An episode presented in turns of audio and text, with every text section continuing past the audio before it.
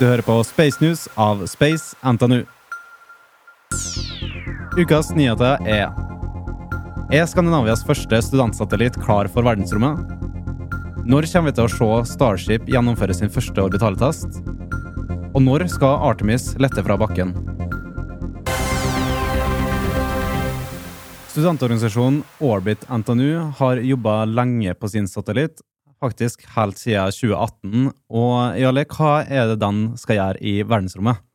Denne satellitten skal da ta verdens første selfie i verdensrommet, sånn autonomt sett, som vil si at den har et stort kamera som den har på en stor selfiestang, som er laget av et målebånd som tar bilde av en skjerm på satellitten, hvor vi laster opp bilder av privatpersoner og mennesker og logoer og til dels memes, som vi har sendt opp og til dels lagt med på forhånd, og så tar vi da bilde med det med jorden i bakgrunnen. Så kult. Og, og, og det store spørsmålet her, altså Når skal den her eh, sendes opp, eh, Jarle? Den er nå på en rakett i USA som begynner å rulle ut mot launchpad og skal da skytes opp i mai-juni-skiftet. Og et litt sånn, et sånn også et spørsmål generelt. Orbiten Orbit NTNU. Jo, nå, nå er jo vi Space NTNU her, men Orbit NTNU, bare kort, hvem, hvem er de?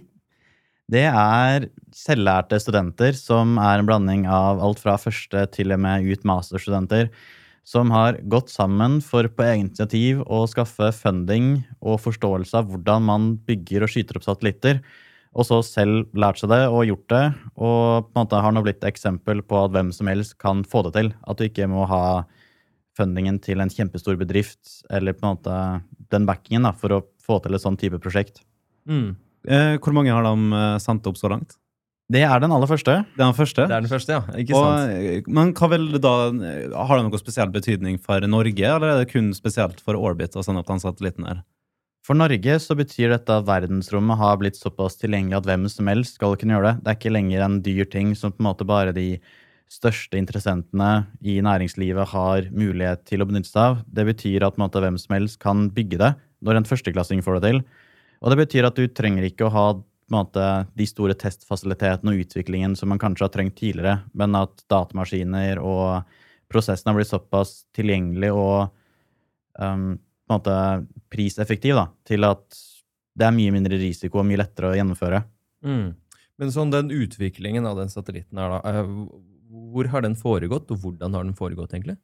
Den startet i 2018 på NTNU av studenter som uh, mente at nå må vi jo gjøre et eller annet her.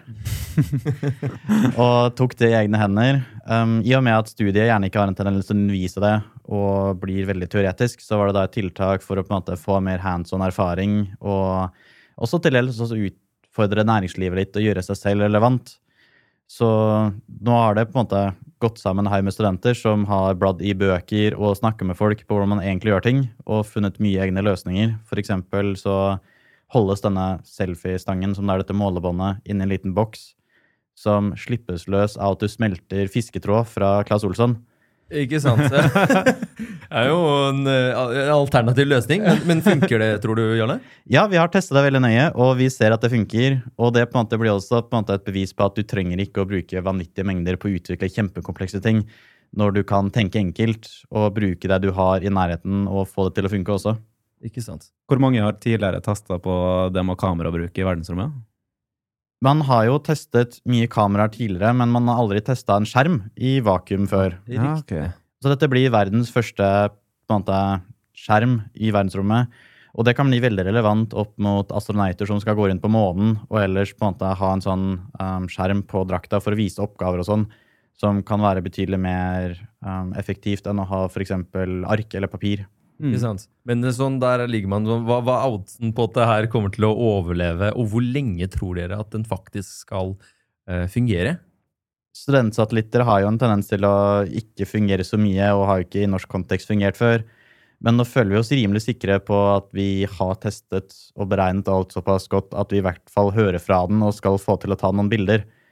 Og så er det såpass mye vi ikke vet om stråling og temperatur og sånn, at vi vet ikke om det er snakk om uker eller måneder etter det. Ikke sant? Da, men eh, litt sånn spørsmål rundt den oppskytingen og sånt. Hvem og hvor og hva er det på en måte som man liker å si? Vi kjøpte en launch av eh, Elon Musk, SpaceX, og har da en egen plass på Falcon 9-raketten. Og um, det er da en sånn kjempestor, kjempekul rakett som også kommer til å lande tilbake igjen, og har da på en måte vært med å kutte ned prisen såpass mye at studenter som oss har råd på det, som vi ikke hadde da før, når det bare var statlige aktører. Mm. Nei, men, ja. Nei, vi, vi, får, vi, får, ønske dere masse lykke til, så håper jeg håper å se at den satellitten faktisk kommer opp i, i verdensrommet. Eh, Starship, som det snakkes eh, om mye nå, har jo lenge lidd av usikre timelines. Eh, hva er status på raketten akkurat nå? Status akkurat nå er at de kjører de stort sett rundt på bakken og ikke helt sikre på hva som funker og ikke funker. Og så har de fortsatt ikke helt fått dette juridiske løyvet av de amerikanske myndighetene for å faktisk launche den. Mm. Men sånn en realistisk timeline videre der? Det er det veldig mye usikkerhet rundt, så det er mye spekulasjon. Men man så f.eks. at de fikk et kjempestort problem med den enheten Du har noe som heter quick disconnect units, som på en måte er det du har på Tenk deg at du skal fylle bensin på bilen din, men så skal du bare kunne kjøre i vei fra bensinpumpen uten å ta den ut. Mm. Riktig. For du kan ikke ha en der som på en måte tar ut Så alle disse konnektorene må være bygd sånn at du skal kunne på en måte bare kjøre fra dem. Og de gjorde en test der som gjorde en del skade, og så må de rette opp en del ting, og det er fortsatt veldig mye de ikke vet, som de på en måte fortsatt finner ut av. Så man tror at hvis de realistisk på en måte ikke møter nye problemer, man kan jo stille spørsmål om det er realistisk, så snakker man om kanskje tidlig høst for en mulig oppskytning til da bane med mm. hele stacken. Ok, så allerede nå, nå dette året? Ja, de hadde i utgangspunktet ambisjon om å launche forrige høst, og så har det jo ikke skjedd noe siden. Så det er jo ikke heller usannsynlig at det kan vare helt til jul eller lenger. Men jo lenger du går, jo mer vet du, og jo færre nye problemer oppdager du, da. Men eh, hvor langt bak planen ligger det i forhold til den originale planen? De originale planene er jo på en måte typ mars i 2030 måneoppskyting og lande folk på månen i 2025. Og i forhold til de planene så ligger vi fortsatt veldig realistisk. Så i det store perspektivet har ikke dette så mye å si, fordi de kommer trolig til å nå dem uansett. Og de store på en måte linjene på en måte påvirkes ikke mye av at du ligger et halvt år eller to år etter, fordi det er på en måte de store tingene som har noe å si her. Mm. Men eh, Jarle, har du noe, på en måte, noe grunn, eller bakgrunn til å fortelle hvorfor går det egentlig såpass etter planen, eller såpass bra med den Starshipen. Altså I forhold til alle andre ting som har blitt postbona såpass mye, at disse klarer det såpass innenfor de linjene. Er det noen grunn til at SpaceX klarer det? De har på en måte fått ned en unit price på ca. 50 millioner kroner per Starship, tror man. Som um, er ganske revolusjonerende, fordi et moderne fly i dag um, koster ca. 400 millioner dollar å bygge.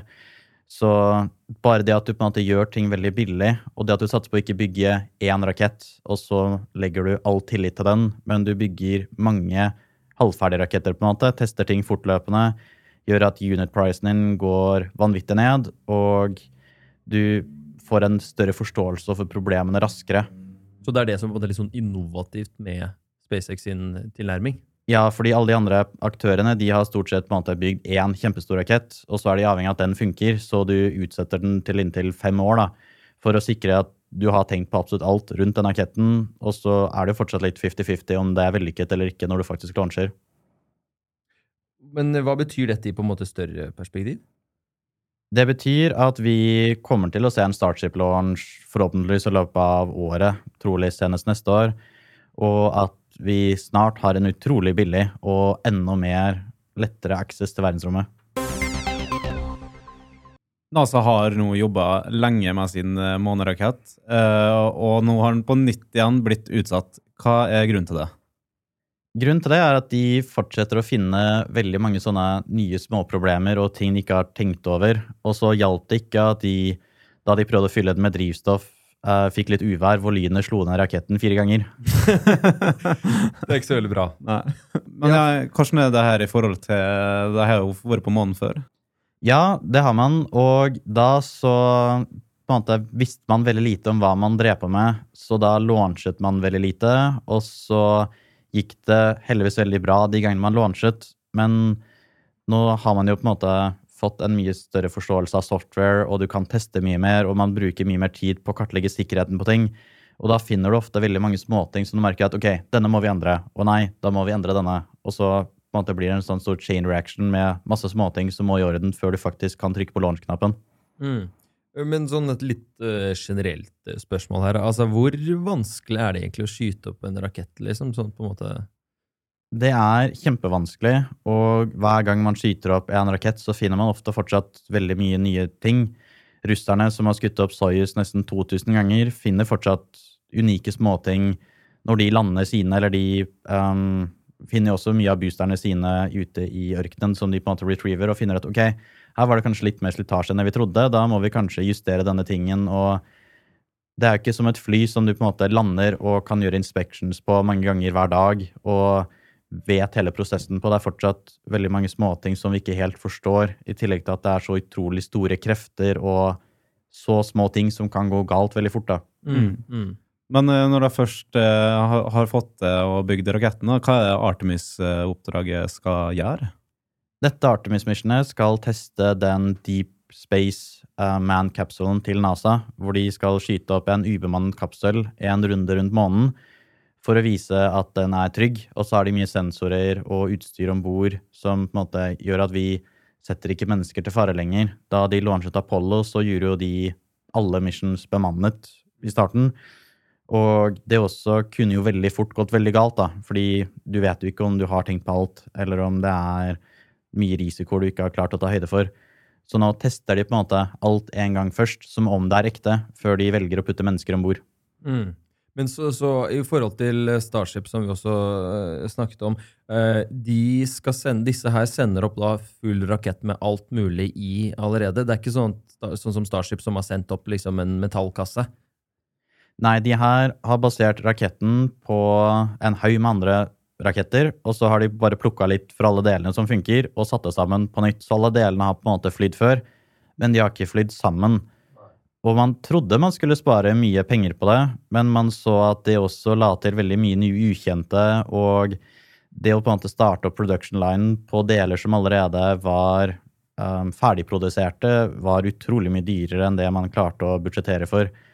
Så veldig mye av programmet har sviktet på en del av disse tingene. Mm. Men uh, det betyr jo da at uh, nå er det snart 50 år siden sist det var mennesker på månen. Er det lenge igjen til vi kan se den uh, type advarsel igjen? Offisielt så sier NASA 2025, og selv om det på en måte glipper med sånn maksimalt to år, da, som vil være kjempeeksepsjonelt om de måtte trekke det så lenge, så vil jo det fortsatt være en kjempestor seier. Ikke fordi vi ikke har vært på månen før, men da vi dro på månen sist, så brukte vi så utrolig mye penger og midler på å dra dit, og satte jo en så enorm kostnad på det. Mens når vi drar nå, så er det til en veldig behagelig prislapp som en privatperson faktisk også kan betale. Du hørte på Space News med Erlend Sandblåst, Alexi Gusev og Jarle Steinberg. Kom tilbake neste uke for nye Space-oppdateringer.